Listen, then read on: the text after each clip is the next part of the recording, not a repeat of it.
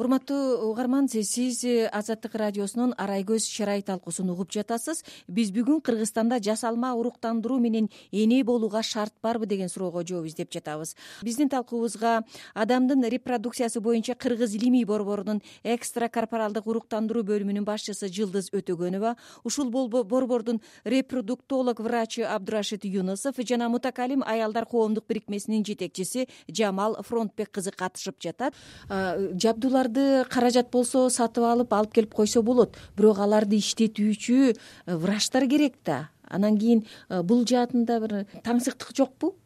Врачтар барбы?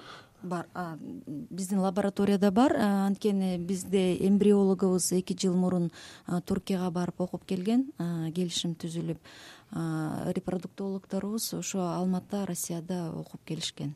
Менин билишиме караганда ошону калкты жайгаштыруу фондусу ушул эки миң биринчи жылдан баштап эле ушул маселенин үстүндө иштеп келатат.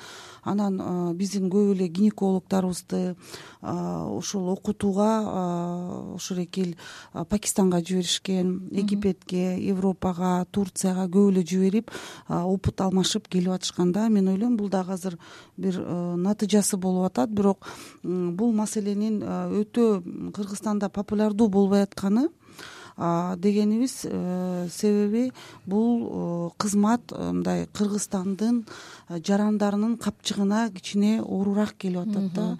Бул кымбатыраак болуп атат. Ошон үчүн муну кылам деген мен ойлойм. Жарандарыбыз көп эле. Ошону кылып балалуу болсом деп эңсеп жүргөндөр бирок мүмкүнчүлүктөрү чектелген болуп атат да. Анткени биздин айлык менен мунун салыштырып көрсөк бул өтө эле чоң акча чыгып калат экен. Абдырашид мырза кыргызстанда жылына орто эсеп менен отуз жети миңге чукул үй бүлө пайда болот экен. Айрым маалыматтар боюнча. Бирок алардын э, беш процентке жакыны ата эне болуу бактысына ээ болбой калышы мүмкүн. Себеби жубайлардын он беш проценти тукумсуз болот деген э, маалыматтар бар экен. Ушул маалыматтар чынбы? Кыргызстанда жаштар арасында тукумсуздук э, проблемага айланып баратабы ооба азыркы убагында ушундай кыргызстанда эмес баары дүйнөдө россияда казакстанда мына жакында доклад э, бизге берген. Ошол доклад боюнча он беш процент э, үй бүлөлөр ушундай тукумсуз э, тукумсуздуку болуп калышы мүмкүн болуп калышы мүмкүн. Эми мурун баары ойлогон бул аялдан депчи. Анан бүгүнкү күндө биздин экологиябыз анан эме питание ошол анан проблеманы жаратып жатабы? ооба проблема жаратып жатат анан э, элүү процент э, азыркы убагында уже э, эркектен болуп атат. Обследование анан анализдер тапшыргандан кийин биз ошону аныктадыңарбы? Аныктадык ооба. Эмне үчүн эркектер арасында тукумсуздук көбөйүп атат? Мунун башкы себеби эмне? Сиз билесиз э, бул эме тамеки эме ичкилик? ичкилик анан э, стресс анан э, экология жана башкалар эме ошондой причиналар көп. Э, жамал айым ушул жубайлар э, көп жыл балалуу боло алышпаса э, азыр эле абдырашид мырза айткандай кыргызстанда аял гана күнөөлүү деген көз караш күчтүү да ислам динин катуу тутунган же болбосо балалуу боло албай жүргөн жубайлардын ушундай жасалма уруктандыруу аркылуу балалуу болгусу келсе алардын тарапташтары каршы болушпайбы жалпы көз караш кандай? Эми жалпы көз караш мен ойлойм ар бир адам өзү чечиш керек ар бир үй бүлө. Анан ислам дини каршы болбойт. Эгерде ал өзүнүн күйөөсүнөн уругунан жана биз айтып кеткендей оплодотворять этип кайра салып койсо. Бирок бул жерде мен ойлойм эл тукумсуздуктун көбөйүп аткан маселеси дагы бул биздин ошо социалдык бир чоң көйгөйлөр да. Анткени эмнеге көбөйүп атат десек азыр биз экология деп негизи негизгисин айтып атабыз. Бирок ошол жашоого байланыштуу биз эркек балдарыбызды кичинекей кезинен өзүбүз сактабай атабыз да. Эмнеге эркек балдардын арасында көбөйүп атат? Ал жылаңайлак жүрөт. Мисалы ошол жылаңайлак жүрүп сугат иштерин кылышат э, огород отошот үйүндө жылуу кийинишпейт азыр карап көрсөңөр бишкектин тегерегинин баары бүт жаңы конуштарда жашашат бирөө дагы түтүн чыкканын көрбөйбүз от жагышпайт.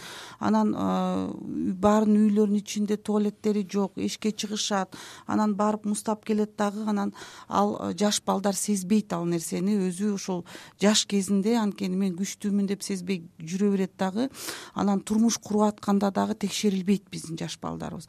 Турмуш кургандан кийин анан бир жыл эки жыл балалуу болбой калганда биздин стереотип боюнча келинди күнөөлөйбүз. Анан анализ тапшырса эле балалуу бала күнөөлүү болуп чыгып калып атат да. Ошол маселени дагы мен ойлойм бул чоң социалдык көйгөй ошол биз э, өспүрүмдөргө ата энелерибизге муну бир э, жеткилээрлик кылып э, түшүндүрүшүбүз керек да. түшүндүрүү иштерин өтө көп өткөзүшүбүз керек да. Жылдыз айым уруктандыруунун кыргызстандагы орточо баасы канча? Анан акчасы жок жубайлар келип калса бир жеңилдиктер жасалабы? Же бекер уруктандыруу мүмкүнбү?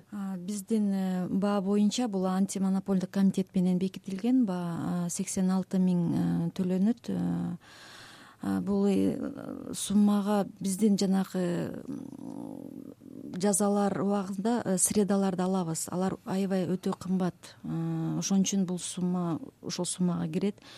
Эми жеңилдетүүлөр мен айта албайм. Анткени ал үчүн бул минздрав биздин саламаттык сактоо министрлиги менен э, может чечебиз. Кийин квота кылып башка өлкөлөрдөй кылып квота кылып киргизгенге жеке клиникаларда кандай маалыматыңыздар барбы? Жеңилдиктерби жеке клиникаларда жеңилдиктер жок. Ал э, алардагы э, э, суммасы канча? Суммасын мен айта албайм анын абдырашид мырза э, кыргызстандагы клиникаларда уруктандырууга зарыл акыркы үлгүдөгү э, сапаттуу атайын жабдуулар жок эскилерди алып келишет. Анан коопсуздук чараларды деп коопсуздук чаралары сакталбайт деп да корккондор жарандар көп экен да. Бул жөнүндө социалдык тармактарда аябай талкуулар көп жүрүп жатат. Мына ушул жерде айтып жатышат. Анан көп аялдар казакстанга россияга барып жасатып келип жатабыз деп жазып жатышат да. Жабдуулардын дары дармектердин сапаты жакшы жакшыбы? Анан медициналык кызматкерлердин э, даярдыгы дагы жакшыбы? Эми мен айткандай э, алар э, россия анан казакстанда жыйырма жыл ушул маселе боюнча иштеп атат. Конечно алардын опыту бизге эме биз аларга тең келбейбиз.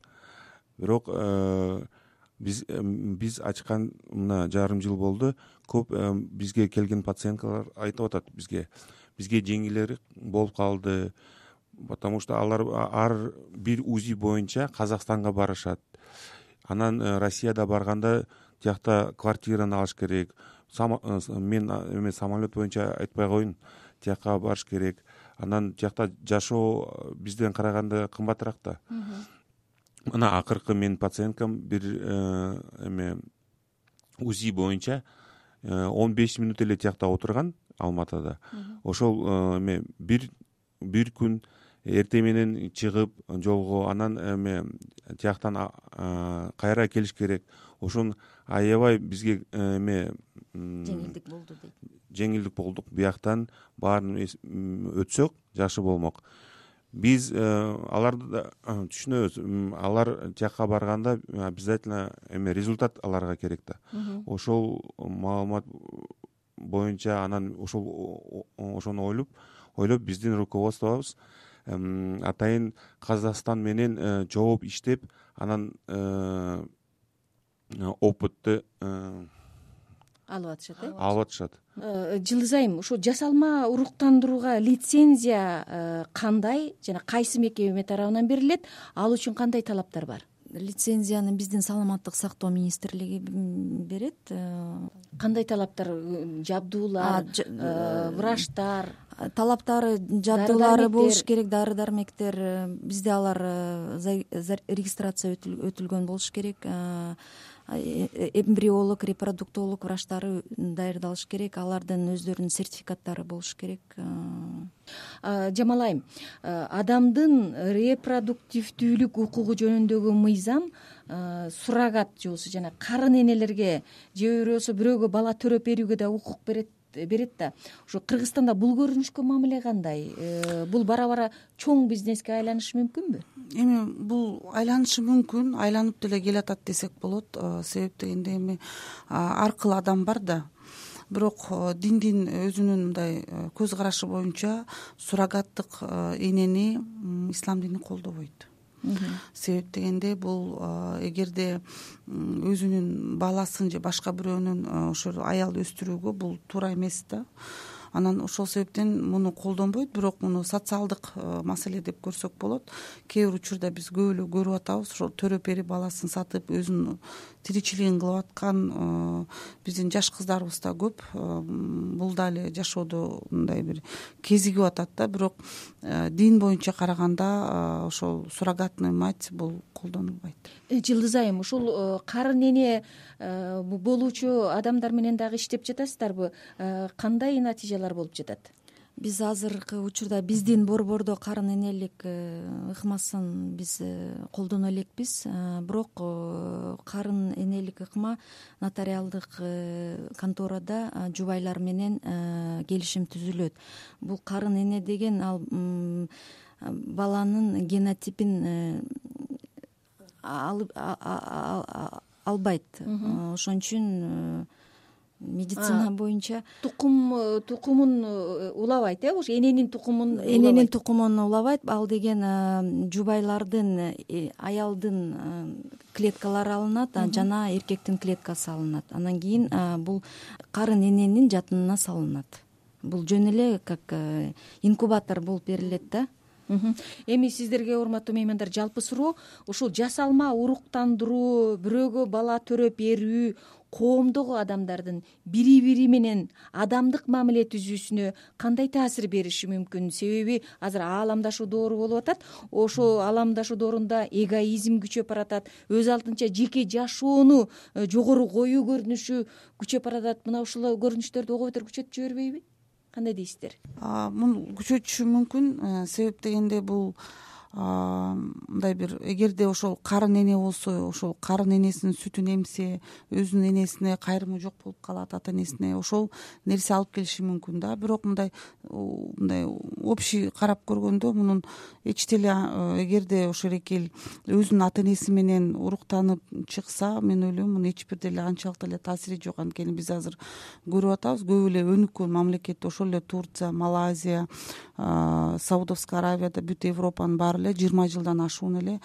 токсон алты токсон жетинчи жылдан бери эле бул маселени кылып эле келатышат анан бул жерде э, эч бир чоң деле көйгөй жок да. Бул ошол кыргызстандын мен ойлойм жакырлыгынын азабынан мындай клиникаларды биз ача алган жокпуз да. Бирок муну мурун деле ачып э, кыла берсе канча үй бүлө ажырашпайт эле канча үй бүлө балалуу болуп калат эле канча э, кыз келиндерибиз өзүнүн баласын кучактап мүмкүнчүлүк болмок да. Бирок муну дагы аттеңдешибиз керек демек урматтуу меймандар э, жыйынтыктап айтканда кыргызстанда жасалма уруктандыруу менен эне болууга шарт акырындап түзүлүп жатыптыр.